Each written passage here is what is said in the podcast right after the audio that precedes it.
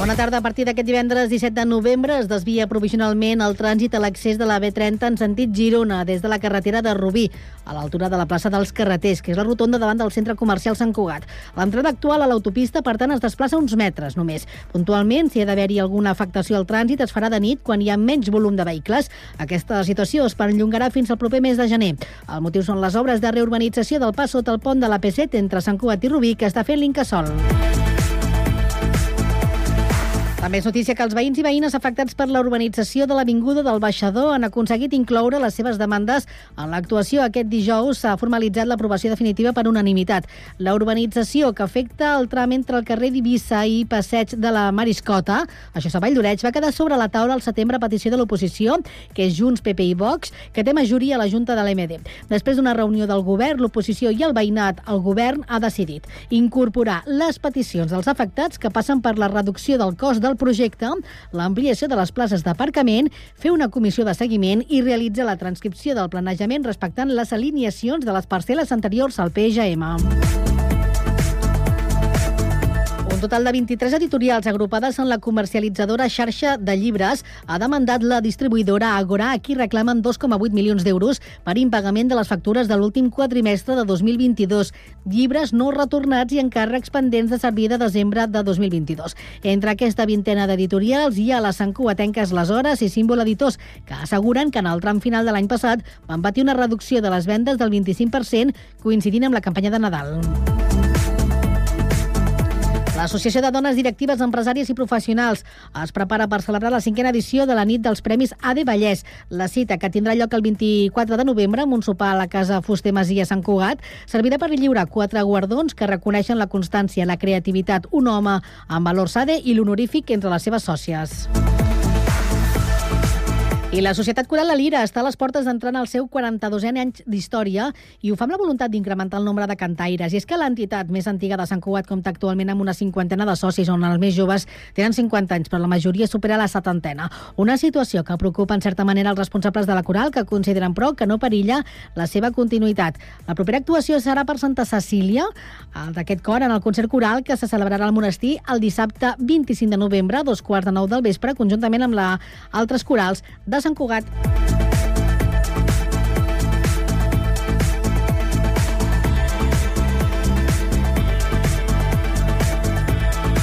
Cugat Mèdia, la informació de referència a Sant Cugat.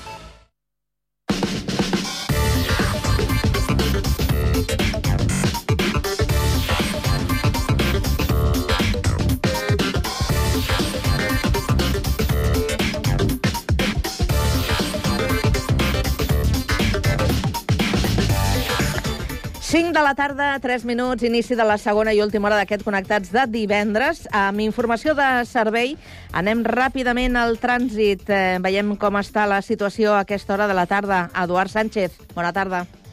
Hola, bona tarda. Doncs es va calmant una mica la circulació després d'un inici de tarda una mica més complicat, sobretot per un accident malauradament mortal avui a l'autopista del Maresme, a l'altura d'Argentona. En aquesta zona està tot resolt, de fa ja una estoneta, on encara tenim aquí un focus d'aturades és a l'autopista AP7, entre Martorell i Castellví de Rosanes, en sentit Tarragona, també per una topada, tot i que els vehicles s'han retirat ràpidament al voral. Queden un parell de quilòmetres en aquesta zona. Més amunt a l'AP7, també lentitud, aturades entre Santa Perpètua i Barberà, sentit eh, sud, i la C58 es manté sobretot lenta eh, de Montcada a Ripollet, sentit Terrassa, i també de Montcada al Nus d'entrada a Barcelona. El trànsit a les dues rondes va estirant, tot i que queden trams encara eh, d'aturada, sobretot en sentit Llobregat, en el, en el cas de les dues rondes. I per últim, la Pota Nord, també amb aturades a l'últim tram, entre Santa Coloma i el Nus de la Trinitat. És tot. Bona tarda. Gràcies, bon cap de setmana, Eduard. I pel Gràcies, que fa i pel que fa al transport públic anem fins al Transmet.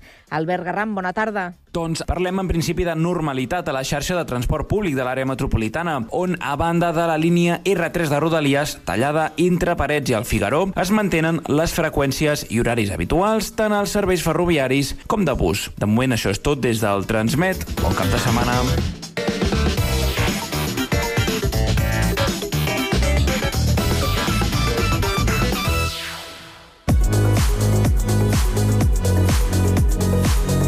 Tarda, de 4 a 6, connectats. Una experiència radiofònica a Sabadell, Terrassa, Sant Cugat, Castellà, El Prat i Badalona.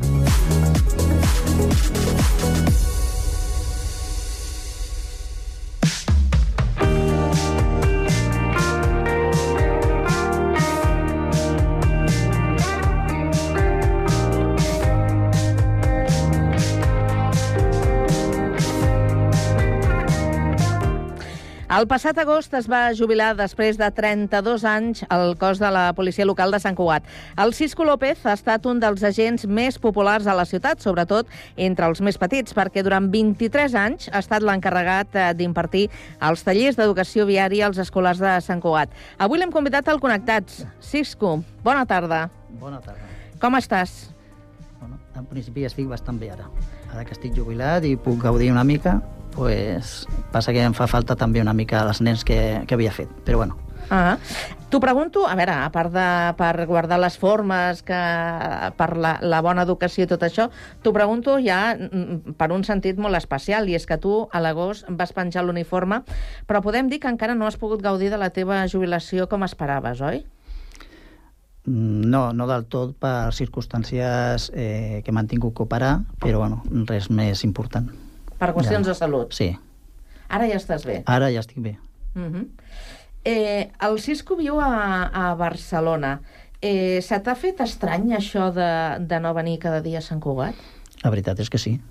sí? Això d'aixecar-se a les 5 de la matinada per venir, però bueno, ja era una, cos, una cosa contínua que tenia que venir a fer i que jo gaudia quan estàvem als col·les. I què és el que més trobes a faltar de, de la teva rutina quan eres un santcugatenc entre els santcugatencs? Bueno, eh, sí que estic una mica... que eh, echo de menos a vegades aquestes coses de, dels nens. Sí? Sí? Impartir les classes amb els nens, riure amb ells i jugar. Però a banda de- de- d'aquesta relació amb ells, dins de les teves eh, funcions com a agent de policia local, també tenies altres eh, feines a fer? Bueno, en principi jo tenia de, de, de dedicació completa, és a dir, jo entrava a les 6 de la matinada i a partir de les 9 jo ja estava amb els col·les. Mm -hmm. Sí. eh, com, com era el Cisco de petit? Com era el Cisco de petit? Eh, bueno, jo sempre he sigut una persona tranquil·la, no com el meu germà, que és tot el contrari, no? però he sigut una... Un, bueno, ara perquè no estan els meus pares, però eh, jo crec que he sigut una, una persona eh, molt obeient i respectable. Sí? I la teva infància com, com ha sigut? Ara parlaves d'un germà. Ha sigut una infància on... Normal, ha sigut no- una infància normal. Sí? No, no ha hagut cap problema, ni, ni incidència greu, ni res. Lo típic amb les famílies, que et baralles amb el germà, que és el més maco. No? I, I quan anaves a escola, sí. eres un bon estudiant? Sí, era, eh, he sigut una persona que eh, he, he estat estudiant, però que a vegades les coses no se'n quedaven al cap. Tot el contrari que el meu germà, que no estudiava res i se li, lo, lo poc que estudiava eh, se li, que, li quedava al cap. Però jo tenia que estar raca, raca, raca per, perquè se'n quedés alguna cosa al cap. I eh, tu ja pensaves de petit, mira, de gran m'agradaria ser... Què volies ser tu de, de gran? Bueno, amb el seu dia, pues, eh, i tal com em vaig estar, m'agrada ser futbolista. Jo havia jugat amb el Barça fins a la categoria de, de l'E20, Sí? però ja després, no, ja quan vaig estar a, formació professional, que vaig estar amb la rama de l'INEN industrial, és el que vaig agafar que m'estava agradant, allò de dibuixar coses industrials. O sigui que vas estudiar d'alineació? Sí, de l'INEN, soc de l'INEN industrial. Uh -huh. I on ha quedat tot allò? En no res? en no res. No res perquè la feina en aquells moments no, no estava ben del tot i em va sortir l'oportunitat aquesta de, de fer l'oposició per la, la policia local de Sant Cugat. I com va sortir aquesta possibilitat? Perquè tu t'ho havies plantejat alguna vegada No, de, no, no, de no, fer mai. de policia? Mai, mai. Eh, jo havia estat treballant eh, amb una textil i la textil al final va, va, va plegar i aleshores amb un amic eh, em va tantejar per fer l'oposició aquesta de policia. Ah, pues vamos a hacerla, vamos a provar. I saps el que va passar? Què va passar? Que jo vaig aprovar i ell no. Mira, com passa amb els càstings ara. Quan se'n van a, als, als concursos de... Eh? Sí, sí. A, a cantar o a ballar. Acostuma a passar, no? Que sempre hi ha algú que convenç l'altre. Bueno, però... Bueno, mm, Però ha acabat estar- sent policia o no? jo sí, ell no. Ah, ell no. No, no, no ell, ell va estar en una altra cosa. No ho va tornar a provar. No. Vaja. I quan us torneu a trobar, perquè encara manteniu No, relació? no, no, no mantenim re, relació. No. No, no va ser per culpa d'aquesta cosa, però és la, la situació. Uh -huh.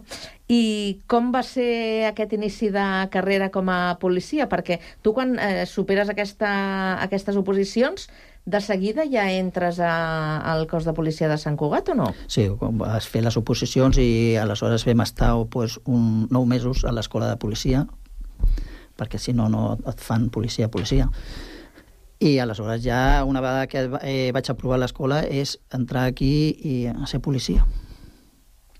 Eh, que la meva primera feina com policia era policia de barri, anar caminant, estar amb els, amb els comerciants, parlant amb, amb els ciutadans, si tenen algun problema. I la destinació la, la vas poder triar o no? Bueno, en principi és una cosa que ja et donen a la comissaria. Et ve donada. Sí. I quan et van dir t'ha tocat la comissaria de Sant Cugat? Bueno, és que la- l'oposició va ser... Uh, A la a la comissaria de Sant Cugat. Sí, sí. No, no podia triar si a Rubí, Barcelona, no, no.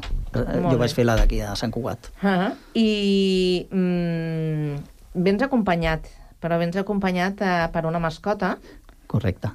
Que explica'ns explica quina mascota és. Bueno, amb la meva trajectòria i perquè els, eh, els nens estiguin una mica identificats també, sempre hi ha una mascota, no? Eh, aleshores, han hagut dos mascotes més, però l'última és aquesta que se'n recordaran se'n recordaran els nens si la veuen, que és el, el cisquet, que és un porc senglar. I un port senglar perquè té relació amb la ciutat, també. Correcte, perquè com n'hi ha tants, pues, al final va sortir el, el porquet aquest.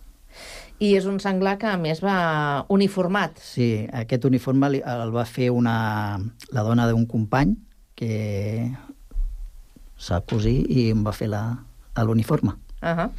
eh, eh, en la teva família o en, els te, en el teu voltant, entre els teus coneguts, hi havia algun referent que es dediqués a, a, a la seguretat? Bueno, eh, tinc un tiet, però és, està a Saragossa, que ha sigut policia nacional, i ara tinc un cosí també a Saragossa que és policia nacional. O sigui que ja comença a haver-hi una mica de tradició? No, no, No? no. no. Jo a la meva filla li dic que ponte para policía, dice no papa no, es bióloga y digo yo a lo que me gusta que es biología Clar. y Sí, sí. I tu a casa, quan vas eh, anunciar que, que anaves a fer aquestes oposicions i que et volies dedicar al món de la seguretat, a ser policia, què, què et van dir? Quina reacció van tenir? no, no, no vaig tenir cap problema. La meva dona pues, no, dintre del cap pues, li agrada el tema de la policia també, però no, ella no és policia, és policia a casa. et controlen. bueno, no, compartim. Ai, i, i escolta'm una cosa, eh, quan et proposen fer això de, dels, eh, dels tallers d'educació viària, perquè t'ho van proposar a tu directament? Eh, sí. Sí, perquè jo havia estat en una altra secció de, de vehicles abandonats aquí al, a la comissaria, però va haver una vacant d'un company que ho va deixar i em va fer el, el capo, em va, fer, em va oferir si volia portar aquesta, aquesta secció. I jo, com m'agrada el tema dels nens i el xerrar, doncs vaig començar. I vas començar tant i tant i tant i tant i tant que vas arribar a, a fer 23 anys 23. de relació amb els escolars de, de Sant Cugat, de manera que, clar, quan tu, mm, o si patrullaves o si circulaves per, per la ciutat, quan et creuaves amb nens que, que et reconeixien, m'imagino jo que Et saluden. et saluden. Sí, sí, però és que avui en dia és, tingues en compte que són 23 anys que he estat. Això vol dir que n'hi ha generacions. Mm, Jo ja conec a un parell de persones que són àvies i al seu net li he donat jo classes. Així que... I escolta'm una cosa, tu quin balanç fas d'aquesta experiència? Sobretot de la, de, de la que et van encarregar per estar amb els, amb els nens, amb els joves, amb els, amb els infants. Eh, a veure, mm, clar, quan una feina eh, t'agrada i vas tenint dedicació amb aquest tema, tots són agraïments per tots els jocs. Aleshores, eh, a mi el que em satisfà és que a vegades, mira, jo ara he estat aquest matí per aquí, per Sant Cugat, i, i m'han saludat molta gent que anava Clar, pel no? carrer. Et senties com a casa quan estaves aquí? És que, si et dic una cosa, conec més de Sant Cugat que de Barcelona, perquè estava quasi tot el dia aquí. Aleshores, conec més ambient d'aquí que de Barcelona, i gent de... Bueno, la gent que conec de Barcelona és la gent de, del meu bloc. No, no, no tinc relació. I de, si en canvi d'aquí sí que tinc amics i, i gent que conec. I després de- d'haver-te jubilat has tornat a Sant Cugat de visita? Sí, algun cop. Sí? Uh, sí. Mira, avui mateix i després va venir també un altre dia aquí a passejar una mica i a veure un company que a vegades sortim junts. Ah. Eh, tu vas ensenyar educació viària als nens i els nens què et van ensenyar tu? A gaudir d'ells. Sí? És que n'hi ha situacions perquè, bueno, en principi... Deus tenir moltes anècdotes. Bueno, n'hi ha unes quantes. Eh... I n'hi ha algunes que són que són déu nhi Però, bueno, a mi el tema dels nens és que ja et dic, eh, sempre m'ha agradat i quan jo estava amb ells jo gaudia i les professores s'ho passaven pipa amb mi també. Ah, també hi havia els... eh, és que les professores clar, tenien que estar amb allà. mi, Mhm. clar. Sí, sí. Però no anaves a les, anaves a, la, als, a les escoles, anaves a classe i després també els imparties eh, aquests eh, tallers que feies uns circuits a, Sí. a, la, a, la, a la pista, en les instal·lacions esportives. Sí, bueno, jo quan vaig començar fa 23 anys eh, vaig ser, portava 350 nens de cinquè de primària. Val? I, bueno, jo ja vaig començar a fer cicles i cicles i al final, eh, ja els últims anys, ja impartia classes a nens de P2, és a dir, parvulari, eh, P5, segon de primària, cinquè de primària i quart de l'ESO. Això que t'estàs referint tu em, és, és amb el cicle de cinquè de primària, que jo faig la primera part, que és la teòrica, i després la pràctica és quan a vegades s'han posat al circuit de, en cars i bicicletes. Mm -hmm. eh, ara que tu mires de fora i has pogut eh, educar els més petits en aquest eh, àmbit, eh, també als adults ens falta molta educació viària? O és que ens la saltem... La sabem, però ens la saltem? Falta, falta una mica de, de respecte. És que n'hi ha persones, avui mateix que sí, estan a punt d'atropellar-me a mi, un ciclista, per aquí, per carrer Santa Maria, Peatonal. peatonal. Val? I mira que sé de companys que s'han han posat denúncies per aquest tema, però és igual. Eh, si no ens respectem eh, a nosaltres, ja no respectem a ningú. I hem de començar a tenir una mica de civisme. I és ara una mica més complicada la mobilitat que mentre tu estaves fent eh, la teva feina, ho dic perquè ara eh, es barregen eh, no només bicicletes, sinó un munt de, de patinets, els vianants, que van pel, pel carrer, els cotxes... Mm. S'ha fet tota una mena de selva... Tingues en compte que ara no me'n recordo quan, quanta població hi havia quan vaig entrar, però ara que eh, deuen d'estar al voltant dels 100.000 A eh, sen, sensats, que ara això vol dir que n'hi ha més, Mm. ha pujat molt la població. Eh, cada vegada és més difícil. I tu imagina't ara posar això que m'estàs dient del carril bici, el patinet. Aquest patinet eh, aquí hem tingut i tindrem pr- problemes perquè la, la gent no respecta el tema del patinet que si van dos, van sense cas i altres coses. Però és una gran preocupa- preocupació el tema de la, de les, dels cars aquests, de les, dels patinets. Tu com et desplaces? Què, vas a peu, vas en bicicleta, tens cotxe, fas servir transport No, públic? bueno, jo a Barcelona, eh, si depèn d'on tingui que anar, tinc que agafar el cotxe. I eh, per venir aquí he vingut en cotxe, no. Però normalment, eh, a veure, si jo tinc que anar a passejar mentre la meva dona no està a casa, doncs me'n vaig a passejar una mica, me'n vaig a la, fins a la platja, o, o a vegades trec la bicicleta, depèn. Què t'agrada fer quan eh, vols desconnectar una mica de, de la rutina diària o vols una mica mm, escampar la boira? Què t'agrada fer? Sí, a mi m'agrada eh, treure una mica, o sigui, desfogar-me una mica i, i marxar por ahí a, a passejar una mica. Passejar? Passejar i, bueno, la meva dona s'emprenya quan li envio una foto de la, quan estic a la platja, sí. La platja és el teu lloc favorit? M'agrada. I sobretot on trenquen les oles, amb les roques, Uh -huh. eh, els espigons. Sí. I escolta'm una cosa, dèiem abans, estàs jubilat, fins ara no has pogut gaudir de la, de la teva jubilació. Eh, com te la planteges? Què, què, què, què vols fer amb aquest temps que ara tens per tu? Bueno, ara intentar gaudir de tot el que pugui de la meva família. Tot el que no he pogut, doncs ara pues, intentar fer coses, viatges, per exemple. A on? Què t'agradaria veure? No, no, bueno, jo ja ho tinc planejat. Ah, sí? Sí, l'any passat vaig anar a Nova York i ara, ara també me'n vaig a Colmar, a la part de França, per la part nord de, de França, que són uns poblets que estan tot adornats de, de la festa nadalenca. Uh -huh. M'han dit que està molt maco, doncs jo me'n vaig cap allà. I ja estic planejant un altre viatge també, però bueno, a poc a poc. Molt bé. Eh, algun contacte amb companys de, del cos de policia? Has deixat eh, amics? A veure, jo he sigut una persona que no ha tingut problemes, o quasi no ha tingut problemes. És a dir, si preguntes a qualsevol persona ja diran que el Cisco no ha tingut cap problema amb ells. Uh -huh. Doncs, Cisco, hem arribat al final de l'entrevista. S'ha portat molt bé, eh, la mascota? Sí, és que la, la tinc aquí... I, com sempre, demanem al nostre convidat que, que ens digui quin tema vol posar per tancar la conversa, un tema especial. bueno, Tu quin has em, triat?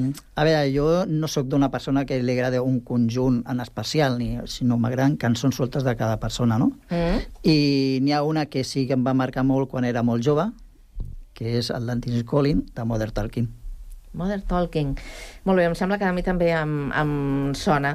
Amb ella acabarem. Eh, per cert, que estem tenint aquí eh, públic i no sé si és que són eh, ex-alumnes teus. Suposo que sí. El- és més sí. fàcil que em coneguin ells a mi que jo amb ells. Quina casualitat, quina casualitat, quina gràcia. Cisco, moltíssimes gràcies i que et vagi molt bé. Moltes gràcies a Molta vosaltres. sort. Adéu-siau. I bon any.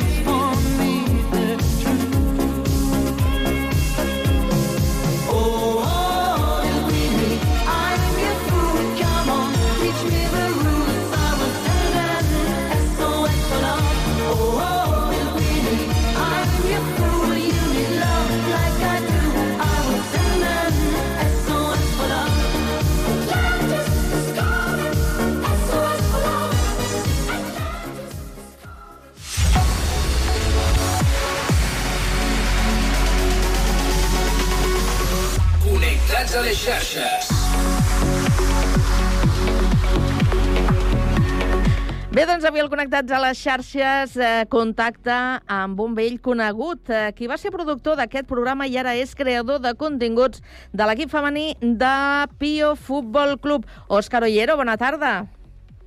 Hola, Carme, bona tarda. Com estàs? Molt bé, molt content de tornar a la que, era, la que va ser la meva primera casa. Al Connectats. Avui estàs eh, convidat, eh, estàs com a convidat perquè ens expliquis una mica aquesta nova eh, tasca que, que estàs fent a l'equip femení de, de Pio. Estem parlant d'un dels equips participants a la Queens eh, League. Eh, Explica'ns una mica eh, quina és la teva, la teva funció. Què fas com a, com a creador de, de continguts? A què et dediques? La meva primera funció és uh, crear, com bé diu el nom, el contingut, és a dir, una eh, diferent. Jo estic amb l'equip, és a dir, jo als entrenos, als partits, si es desplacen a qualsevol lloc, jo estic allà i soc l'encarregat de fer vídeos i d'alguna foto. És a dir, jo, mm, la meva tasca principal, és a dir, si he de dir, és vídeos. Vídeos de, a lo millor, coses que no es veuen, presentació de jugadors... Clar, Pio és un equip que la presidenta és de Mèxic, que és Rivers. Ah. Llavors, uh, clar, al no estar aquí, sí que és veritat que es necessitava un... aquesta funció i abans Pio no la tenia. Llavors jo vaig estar contactant i al final, doncs, és, jo crec que una tasca que actualment a les xarxes socials és molt important, sobretot per les comunitats que es poden crear. Mm -hmm. Ara que parles de, de comunitat, com és la comunitat de seguidors que, que teniu al femení de, del Pio Futbol Club? La comunitat de Pio és, i no ho vull dir perquè jo estic a Pio, però és la millor. La millor, i no ho dic jo. És a dir, Ho, les ho, dades ho diuen les que ara dades? et donaré, les dades ho diuen, i ara et donaré unes dades que és que són brutals. Jo, per exemple, vaig arribar a, aquí a Pio a finals d'agost, vaig començar amb una copa, la Prince Cup, que es va fer de nens, i ja des d'allà, de mica en mica, els seguidors de Pio van començar a seguir-me, a enviar-me missatges, fins ara, que últimament, a lo millor, al dia rebo dos missatges de diferents persones dient-me, Òscar, muchas gracias, sos eh, un padre muy bueno. Això és perquè Però- ve de l'altra banda de l'Atlàntic, no? Sí, sí, eh, clar, la majoria són de Mèxic, bueno, de països d'allà, i clar, és brutal. A més, per exemple, també et dono un exemple d'una jugadora que es diu Mercè Recanta, que és de Pio, Mm. que té, crec, si no m'equivoco, 120.000 seguidors I a què es deu brutal. aquest èxit? a la Queens, a la comunitat de Pio. És una jugadora molt bona, la veritat, és de les millors Mm. de tota la lliga, i a més que és, és una noia, jo diria, especial, perquè és, als vídeos és ella mateixa, a la gent li fa molta gràcia, es diu Mar, i clar, la relacionen Océano, li diuen, l'Océano. Mm. I ja dic, la comunitat de Pio és brutal. Si vols, et dic les dades, Digue'm, sí. les tinc a... A veure, vaig allà. Tara, tan, tan, tan... Vale, les tinc aquí. En primer lloc, et donaré la dada de to- top global de seguidors Sí. d'equips de la Kings i de la Queens League. Ràpidament. I, sí, Pio és el primer amb 661.000 seguidors a l'Instagram. Mm -hmm. Després, al mes de setembre, a Twitter, bueno, ara es diu X, el top d'interaccions, el top 1 és Pio femení, amb 500.000 interaccions, i després Pio masculí amb 458.000. És a dir, són els dos, les dues comptes amb més interaccions de tota la Kings i la Queens League. déu nhi Bueno, i aquí m'imagino que, que sou vosaltres, no?, els que treballeu en aquests continguts, que teniu, doncs, eh, és gràcies a aquesta feina que feu vosaltres, no?, els resultats que, que aconseguiu. Sí, la veritat és que no solament estic jo treballant aquí a Pio, és a dir, jo les xarxes socials per així no les porto. Jo el que faig és agafo els, bueno, faig els vídeos i ho envio a Mèxic. Allà n'hi ha un equip que eh, són els responsables de les xarxes socials i no solament pengen els meus vídeos, les meves fotos, sinó que també pengen memes, pengen a lo millor vídeos també que fan ells amb un humor diferent, clar. L'humor d'aquí no és el mateix d'allà. Però de totes Sí maneres, ha- els, Òscar, els vídeos que tu eh, fas els decideixes eh, tu, eh, te- t'indiquen, et marquen una mica quin és el tipus de contingut eh, que, que has d'elaborar, o tu pots crear i pots imaginar què és el que pots oferir? Eh, realment, la tònica habitual és que Rivers i Samper, que és el team manager, confien molt en mi.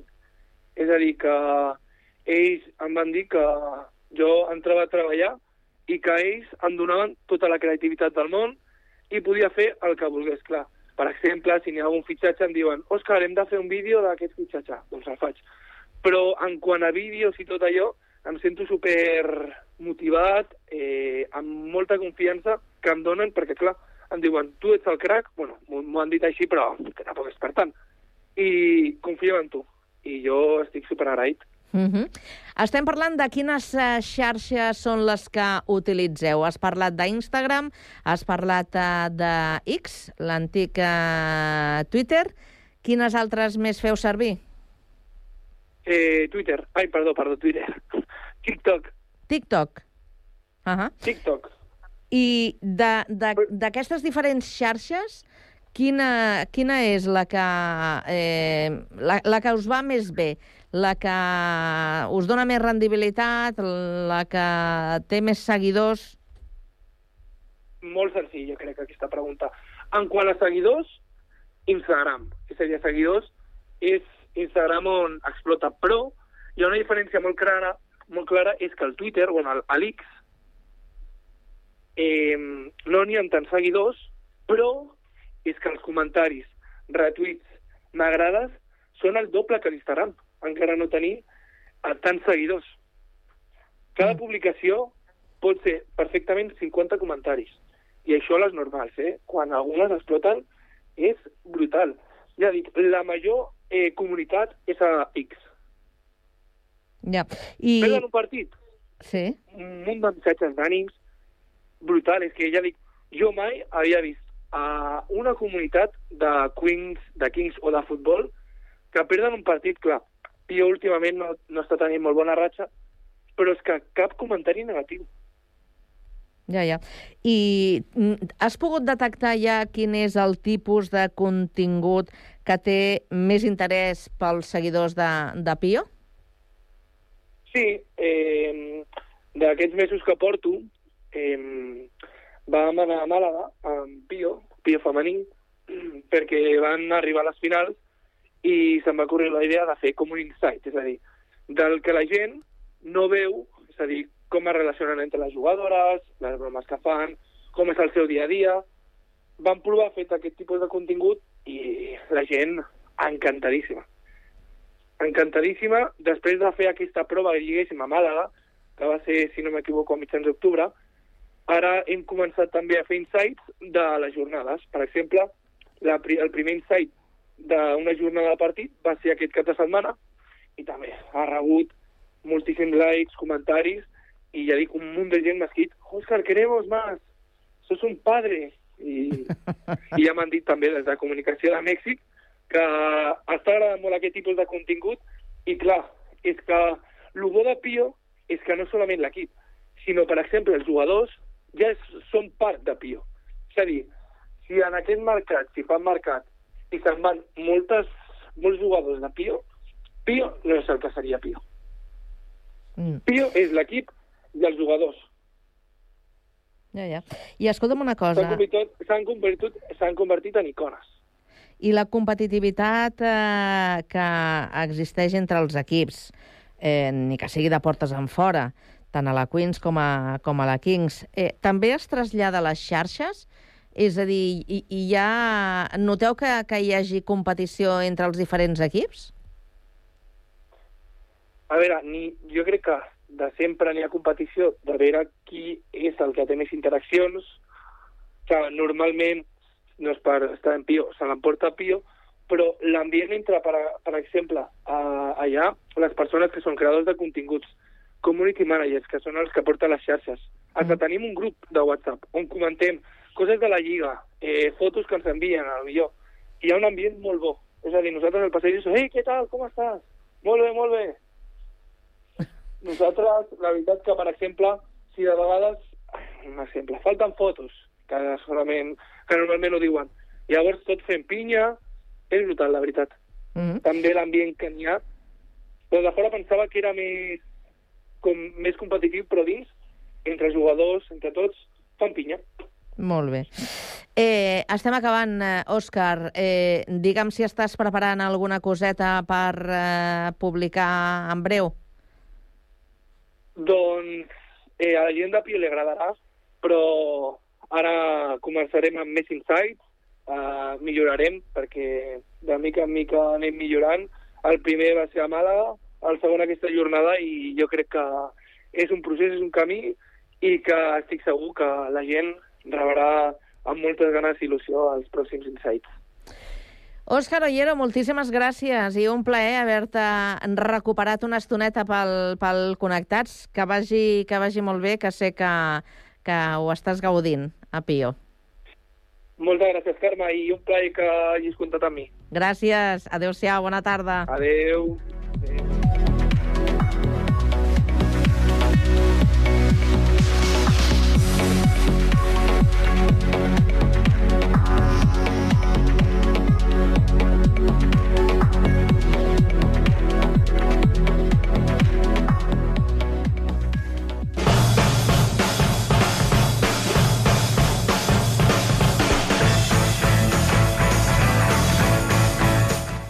Temps ara per a les estrenes de cinema, l'actualitat al voltant de la gran pantalla. Tot plegat en aquests eh, minuts que ens dediquen des de Terrassa Sergi Estapé i el periodista Jordi Guillem. Bona tarda.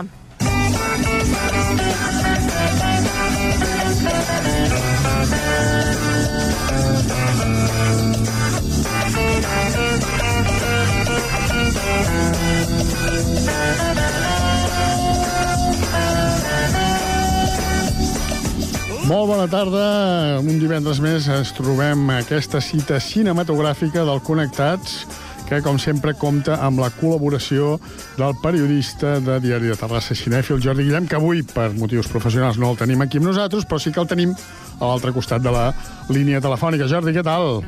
Què tal? Bon dia, bon divendres. Molt Esperant bé. el cap de setmana ja. Esperant-lo, no? Amb, amb Sí. aquella ansietat que l'esperem els que també, els que també treballem el cap de setmana. Exacte. Bé, això és un altre cantar molt desafinat i ja en parlaríem un altre dia, però, com sempre, farem allò del repàs eh, de les pel·lícules. Déu-n'hi-do, eh? S'estrenen bastantes pel·lícules, Sí, bé, moltes fetes aquí, una gran majoria fetes aquí, i començaríem eh, de les cinc pel·lícules que repassem, una que és, bueno, jo no, jo no n'he vist mai cap, és la cinquena pa part o la cinquena entrega de los Juegos del Hambre, que en aquest cas es diu Balada de pájaros, cantores y serpientes, una pel·lícula de ciència-ficció feta als Estats Units, que amb aquest títol, doncs, anima o no anima, no ho sé, què m'expliques? Mira, a mi m'anima, perquè jo he de dir que T'agraden els, ocells cantors i les serps? I la, sobretot les serps. em passava com a tu, que no n'havia vist cap, d'això dels Juegos de l'Hambre, eh, i mm, sentia certa curiositat i fa cosa d'un mes o així, doncs vaig disposar-me, aprofitant que la disponibilitat que tenen les plataformes, a veure-les, les vaig veure del tirón totes, Mm -hmm. Uh, I bé, és, no està mal, és una distopia, uh, suposo que tots sabeu de què va més o menys, és un, una societat uh, postapocalíptica en la qual doncs, uh, seleccionen un nen de cadascun dels 12 districtes uh, uh -huh. i això, i els hi fan passar uh, tan malament com poden.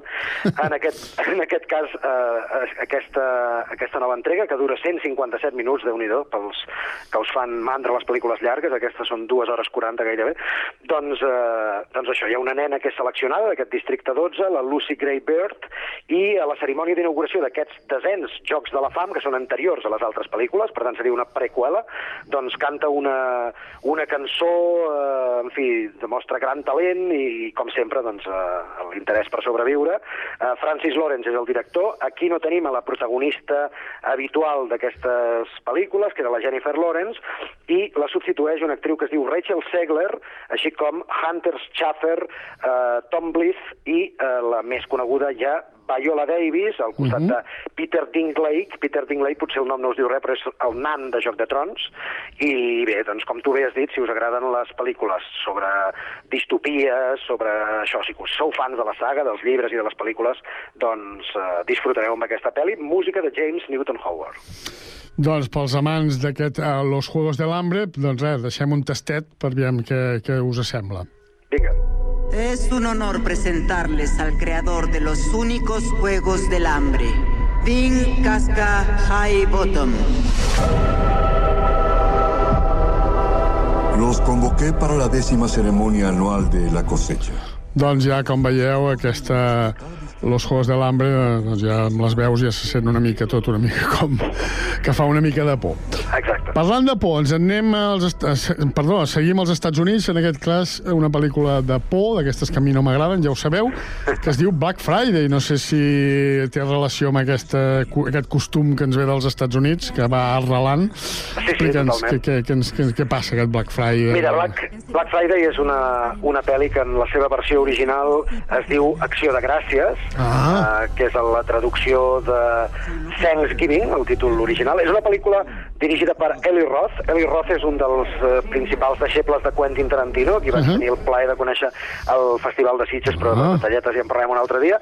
És un senyor que ha fet eh, pel·lícules d'aquestes molt, molt, molt gore, Ja. i aquí ens explica la història d'un Black Friday, efectivament, el dia, el dia, no sé si és avui, divendres o divendres vinent, No sé, avui no... un dia d'aquests, i es, en, considera Suposo que deu ser divendres vinent, sempre és a Sí, perquè partir del l'últim, 20. no? Sempre és, aquest és el penúltim. Uh -huh. Doncs es produeixen disturbis eh, en un poblet de Massachusetts, a Plymouth, i acaben amb tragèdia. Hi ha un misteriós assassí que, inspirat per la festivitat d'Acció de Gràcies, d'aquí el títol, doncs decideix començar a liar la parda. De fet, aquesta pel·li és una mica com una broma, perquè va, eh, és una versió en llargmetratge d'un fals tràiler d'Eli Roth, el mateix Eli Roth, per Greenhouse. Si recordeu, Greenhouse són Sí. aquelles sessions que es van inventar amb Tarantino, que feien trailers de pel·lis que no existien, i a partir de Machete, per exemple, i Sí, llavors sí, es va sí, rodar sí. Machete. Doncs això seria una mica el mateix, no? Eli Roth es va inventar el tràiler de- d'aquest Black Friday i a partir d'aquí doncs, ha fet la pel·lícula. Al repartiment hi trobem Patrick Dempsey, que és un actor, bé, no està, no està malament, i la resta ja és eh, el carro del peix, eh, diguéssim. No, no, seria una, no seria una sèrie A, sinó... Secundaris dels secundaris. Exacte, correcte. En tot Molt cas, avui qui vulgui passar una mala estona... Doncs, Doncs qui vagi. Exacte. Exacte, però després que no es queixi. Sí, no serà el teu cas, però... No. Vol, eh, continuem parlant anglès, volem dels Estats Units a Gran Bretanya i trobem un drama que es diu El viejo roble. Què, què em pots dir? Doncs que aquí ens hem de posar seriosos, perquè estem davant d'una de les millors estrenes del mes, m'atreviria a dir. Mhm. És un drama rural eh, dirigit pel gran cineasta britànic Ken Loach, no necessita Home. presentació. Eh, a partir d'aquí, doncs, eh, és una pel·li que va, ha fet bastanta fortuna als festivals de Canes, Valladolid i Locarno, on va aconseguir un premi, a la Seninci també de Valladolid 2. Eh, Paul Laverty continua fent de guionista, el marit d'Iciar Bollaín. Els que heu seguit ja una mica la carrera de, de Ken Loach, doncs sabeu que li agrada doncs, eh, parlar de temes socials, de com les classes baixes de, de la- l'Anglaterra post-thatcheriana, diguéssim, doncs viuen, malviuen en aquestes cases, en aquests eh, cases no precisament residencials, sinó cases barates. Eh. Mhm. Aquí se centra en... barreja una mica el, el tema aquest que dèiem amb, amb el tema de la immigració dels refugiats sirians i ho fa a través de la història del darrer pub que queda en un poble del nord-est d'Anglaterra, es diu The Old Oak, que vol dir el vell roure, i a partir el pub és com el centre de reunió de, de tota aquesta gent que, que va veient com el, el progrés doncs, els va apartant de la, de la societat en la que viuen, els va empobrint cada vegada més, les mines tanquen, que és la seva font de recursos. És una, és una pel·lícula molt interessant, realment jo tinc, tinc moltes ganes de veure-la, sobretot perquè els guions de Paul Laverty són sempre fantàstics, la banda sonora és de George Fenton i, eh, com dèiem, dirigeix el mestre Ken Loach, que tot i ser gran continua, continua treballant. No són actors coneguts, actors britànics, bàsicament anglesos, i... Bueno, jo, això, no, això, no sempre, això no sempre indica que sigui bona o dolenta. Exacte, no, no. Per mi és la millor pel·li no, de la no et puc satisfer el teu desig de veure-la, sí que et puc fer mi- una mica més agradable el dia escoltant una mica de El viejo roble. Un plaer, ¿Qué tal, chicos? ¿Por qué les decís tantas cosas? Lo han perdido todo. Que han dejado una zona de guerra. ¡Te está haciendo una puta foto! ¡Bórralas ahora mismo! Son solo niños, tío. Deja que vayan a instalarse. Siento mucho lo que ha pasado. No me sorprende. En fin, si oyeras las cosas que sueltan en el pub. Doncs aquest, El viejo roble, que el Jordi ens recomana encaridament, no sé si es diu així, encarecidament. Sí, sí. Que, eh, Encaridament. Encaridament, perquè Si no, ja ho hem dit, ja està. eh, la, aneu al cinema a veure. Ens anem a Mèxic, què et sembla? A veure una comèdia que es diu No voy a pedirle a nadie que me crea.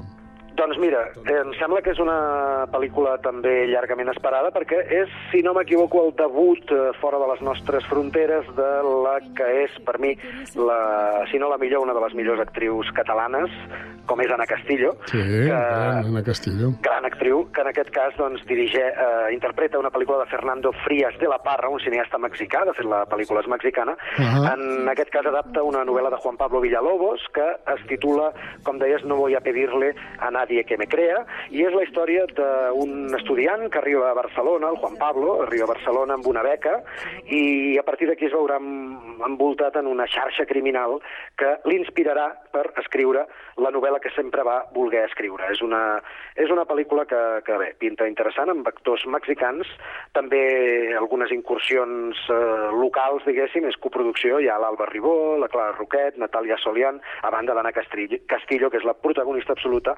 d'aquesta pel·li que, si no teniu temps o no us va bé d'anar al cinema a veure-la, dir-vos que dimecres vinent, el dia 22 de novembre, s'estrena a Netflix. És una producció de Netflix, per tant... És si no- l'avantatge que hi ha avui en dia de, doncs, amb aquestes plataformes, tot Que i que, com sempre, és millor anar al cinema. Però bé, escolta'm una cosa, acabem aquest repàs habitual a cinc eh, pel·lícules de les que s'estrenen aquest cap de setmana amb una pel·lícula eh, que es diu Ruta Salvatge, una pel·lícula que... Eh, Catalana. En català, efectivament. Sí. Un thriller català que surt el gran, gran... Digue-ho tu. Va, Sí, el gran, gran eh, Sergi López. Ara. L'actor de Vilanova, que és un dels nostres ídols particulars, del Sergi meu, i, i també surt la Montse Germán, no sé si la recordareu, Sí, és una sí, actriu sí. que ha fet diverses coses per uh, Televisió de Catalunya, sèries, també ha fet molt teatre. La resta d'actors, a banda, també hi ha Marc Martínez, i sobretot a mi m'interessa destacar d'aquesta pel·lícula el director. El director és Marretxa, Marretxa, sí senyor. és un director barceloní que havia fet uh, pel·lícules d'aquestes que, com tu vas definir una vegada, doncs que s'obre una finestra i passa el vent, i hi ha un pla fix de 10 minuts que no passa res, que és una mica el tipus de cinema que a mi m'agrada. I no, bromes a part, és, és un thriller, efectivament, eh, inspirat en la vida rural, en aquest cas en els Pirineus. És la història d'una d'una noia que fa de jardinera pels propietaris de les luxoses cases de la Cerdanya, d'aquelles urbanitzacions, i a partir d'aquí doncs, eh, té un fill adolescent que es diu Sergi, de 15 anys, i arriben uns estranys a la urbanització, i això fa que canvi la vida de l'Ona i de les, de les persones que s'estima. En aquest cas, Marc Retxa ens té acostumats a fer un cinema més naturalista, més de, de tal com raja, no? fins i tot va fer una pel·li amb, amb Eduardo Noriega, però són pel·lis d'aquestes que retraten simplement el que està passant, el, el què i el qui en aquell moment, i, i aquí va una mica més enllà i li dona una mica més de substància al guió, per tant podem dir que a banda de veure la vida rural pirinenca, doncs també hi ha un toc de thriller que pot ser interessant. Molt bé, doncs per acabar aquest repàs escoltem una miqueta de la ruta salvatge amb aquests actors que deies interessantíssims. Què voleu? Sergi, mantinga't lluny d'aquests homes. Vius aquí? Sí, m'han fotut aquí.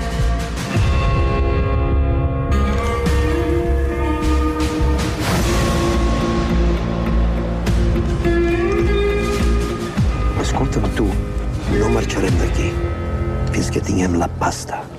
I volem marxar ràpid. Doncs aquest ruta salvatge, aquest thriller que també ens recomana el Jordi. També s'estrenen aquest cap de setmana L'Ermita, una pel·lícula fantàstica feta a Espanya, Belén Rueda. que, que Nadie duerma, un drama també espanyol, Sèneca, un drama fet a Alemanya, La imatge permanent, un drama fet aquí també, Leo, una pel·lícula d'animació dels Estats Units, El sueño de la sultana, una també d'animació però feta a Espanya, Solo queda la danza, un drama fet als Països Baixos, un cinema que no, no en parlem gaire, Amanece, un drama fet a Espanya, Latido del cielo, un documental fet a Espanya, 21 paraíso, també un drama fet a Espanya, i també acabem amb un documental fet aquí, Contigo, Contigo i Sin mi. Doncs aquest seria el repàs a totes les novetats de la cartellera d'aquest cap de setmana, ja ho sabeu, ja us hem explicat algunes altres anteriorment. I escolta una cosa, volies eh, marxar... Bueno, marxarem amb una cançó que tu ni saps ni... És la meva sorpresa del divendres. Sí, però que te la pots imaginar, bueno, et pots imaginar per, per cap on va. Uh, escolta, avui farà, no? Avui fa 62 anys o demà? Com, com va Eh, demà això? passat. Demà, passat, diumenge, Meg farà 62 Ryan, no? anys. Sí, senyor. Margaret Mary Emily Ann Haira, coneguda professionalment com a Meg Ryan, que va néixer el 19 de novembre de l'any 1961. Actriu de cinema, mm, televisió, productora, ha dirigit dues pel·lícules darrerament, amb ella aviat parlarem de l'última, i, en fi, va estar casada amb Dennis Quaid entre el 91 i el 2001, i és una actriu que molts la vam descobrir l'any 1988 per aquella pel·lícula eh, magnífica, que crec que per qui pot anar la cançó potser m'equivoco, que es deia Cuando Harry encontró a Sally. When Harry Meets Sally, sí senyor, l'any 1989. Home, és una actriu d'aquestes així que que... A mi m'agrada, eh? Jo ja em mullo. Sí, sí, no, a mi també m'agrada, però diríem que és aquestes de, de una mica que semblava de comèdia, però després quan fa papers eh, que no són comèdia, Sí. doncs també ho fa, ho fa També força surt bé. Jo la recordo amb aquesta prova de vida, que tampoc era un superpeliculón, però que, bueno, doncs no ho feia... No ho Una feia pel·li intensa, eh? Gens malament, sí, molt intensa, amb el Russell Crowe, si no m'equivoco. Mm, sí, correcte. I bé, doncs, bueno, hi ha altres, eh, altres històries que el, comedietes tipus, ja, llavors hi ha comèdies una mica fluixetes, com per, almenys per mi, com Tienes un email, que es va Sí. fer quan, just quan... l'auge dels emails. I bé, doncs, això és una actriu bueno, que, que, que compleix, no, no, no direm que és la millor actriu ni estat entre No. les 10 millors de la història, però bueno, és una actriu això, que tipus, en certa part com tipus Jennifer Aniston, no? que molt de comedietes i tal, però que, bueno, Sí. que si té que fer un drama, doncs el, el fa sense cap... També t'ho fa. Sí, va, sí. va debutar al cinema l'any 1981, amb 20 anys, Mhm. en una pel·lícula que es diu Riques i famoses, de George Cukor, amb Mhm. banda sonora de George Delerue. Eh, Era molt joveneta. Eh, Llavors va fer coses per televisió, alguna cosa de terror, com Amy Amy Civil, al 83, i, però comença a ser coneguda. Apareixia a Top Gun, a la pel·li de Tony Sí, Scott, la sí, primera, el senyor. 86, i tot eren, en fi, papers petitets més aviat. Eh, quan Harry encontró a Sally el 88 és quan explota, Mhm. llavors fa Joe contra el volcán, el 1990, una pel·li també que se'n va parlar, fa The Doors, la pel·lícula d'Oliver Stone, i a partir d'aquí, doncs, això, com tu deies, comedietes. Eh, una que a mi em cau especialment simpàtica és Sleepless in Seattle, l'any 1992, eh, Algo para recordar, em penso que es deia aquí, sí, sí. Cuando un hombre ama a una mujer, French Kiss, eh, té una llista bastant llarga, City of Comèdia i, Angels... i romanticona, eh? Sí, comèdies... Llavors la que deies, eh, Prova de vida, és del 2000, ja, ja fa menys, la pel·lícula Taylor Hackford. És i, una eh, mica, eh, eh, si em permets, és la, la, la jove que li, els agradaria a tots els, els sogros, eh? Exacte. És la jove, Sí, allò que una totes noia les maca, mares simpàtica, etc. Guapota, perquè... Sí, sí, sí, sí, sí. Molt bé. I, Do... I ara estava una mica amagada, eh? perquè Sí. des del de 2008 havia fet un parell de coses i ara els últims anys poca cosa i ara s'ha dedicat a dirigir, veurem, veurem com li va. Aviam com li va. Doncs marxarem, eh, efectivament ho has adivinat, amb la banda sonora de When Harry Meets Sally, quan Harry conoció a Sally, la, pel·lícula, la pel·lícula. La cançó es diu I Had to Be You, que podria ser com havies de ser tu, sí. que interpreta Harry Connick Jr. Amb això marxem molt bé, fins la setmana vinent. Fins la setmana vinent. Sigueu feliços, bon cinema.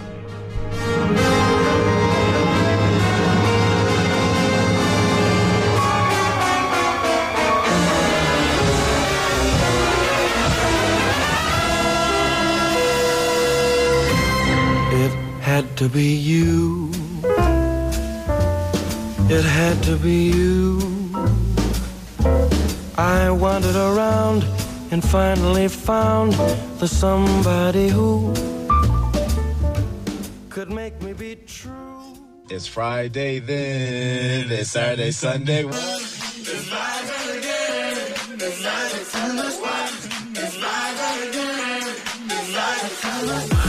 Efectivament, a la recta final, com cada divendres, un repàs, una ullada a les propostes del cap de setmana. I comencem amb les propostes de Terrassa. Sergi Estapé, bona tarda de nou. Bona tarda. Demà dissabte a Terrassa a les 7 de la tarda a la sala Xavi Sallent, Reines de l'Engany, el musical dirigit per Aida Martínez.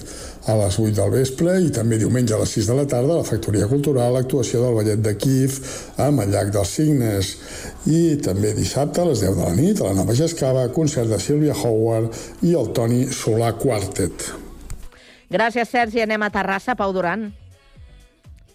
Demà dissabte, si passegeu per la Creu Alta, us pot sorprendre la víbria dels diables del barri, acompanyada del gripau de les bruixes del nord, la Lilith de la diabòlica castanyera de Viladrau i el drac de Santa Margarida de la Riera de Gaiap. La trobada serà el primer amb víbriat. S'ajuntaran a les 6 a la plaça de les Dones del Tèxtil, tot seguit faran tabalada i cercavila sense foc, ja que aquest no ha estat autoritzat. I un cop s'arribi a la plaça de la Creu Alta, allà sí que hi haurà lluïment de foc. Gràcies, Pau. Eren les propostes de Sabadell, no de Terrassa. I ara, després d'això, repassem l'agenda de Badalona. Alexis, oh, bona tarda.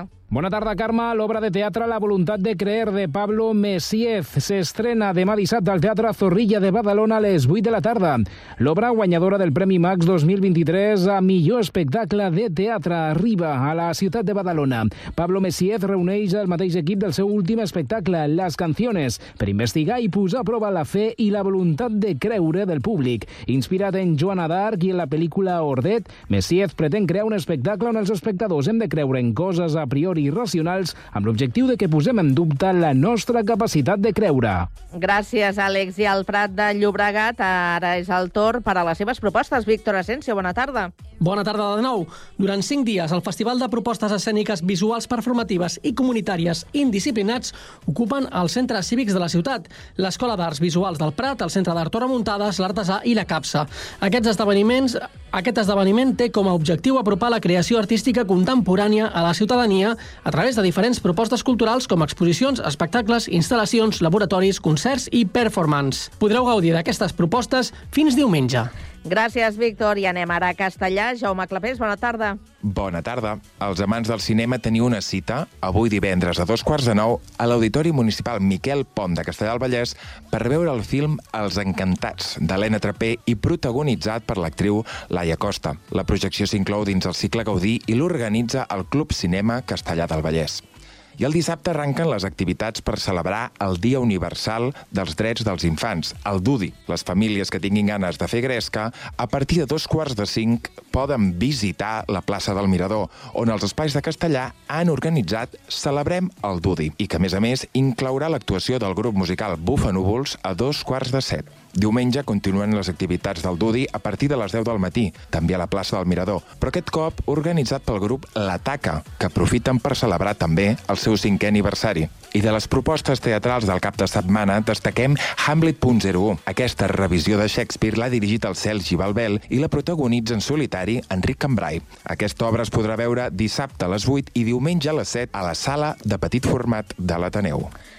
Gràcies, Jaume. Fins aquí aquest Connectats de divendres. Tanquem una nova setmana. Que aprofiteu el cap de setmana. Ens tornem a retrobar dilluns a les 4 i 3 minuts. My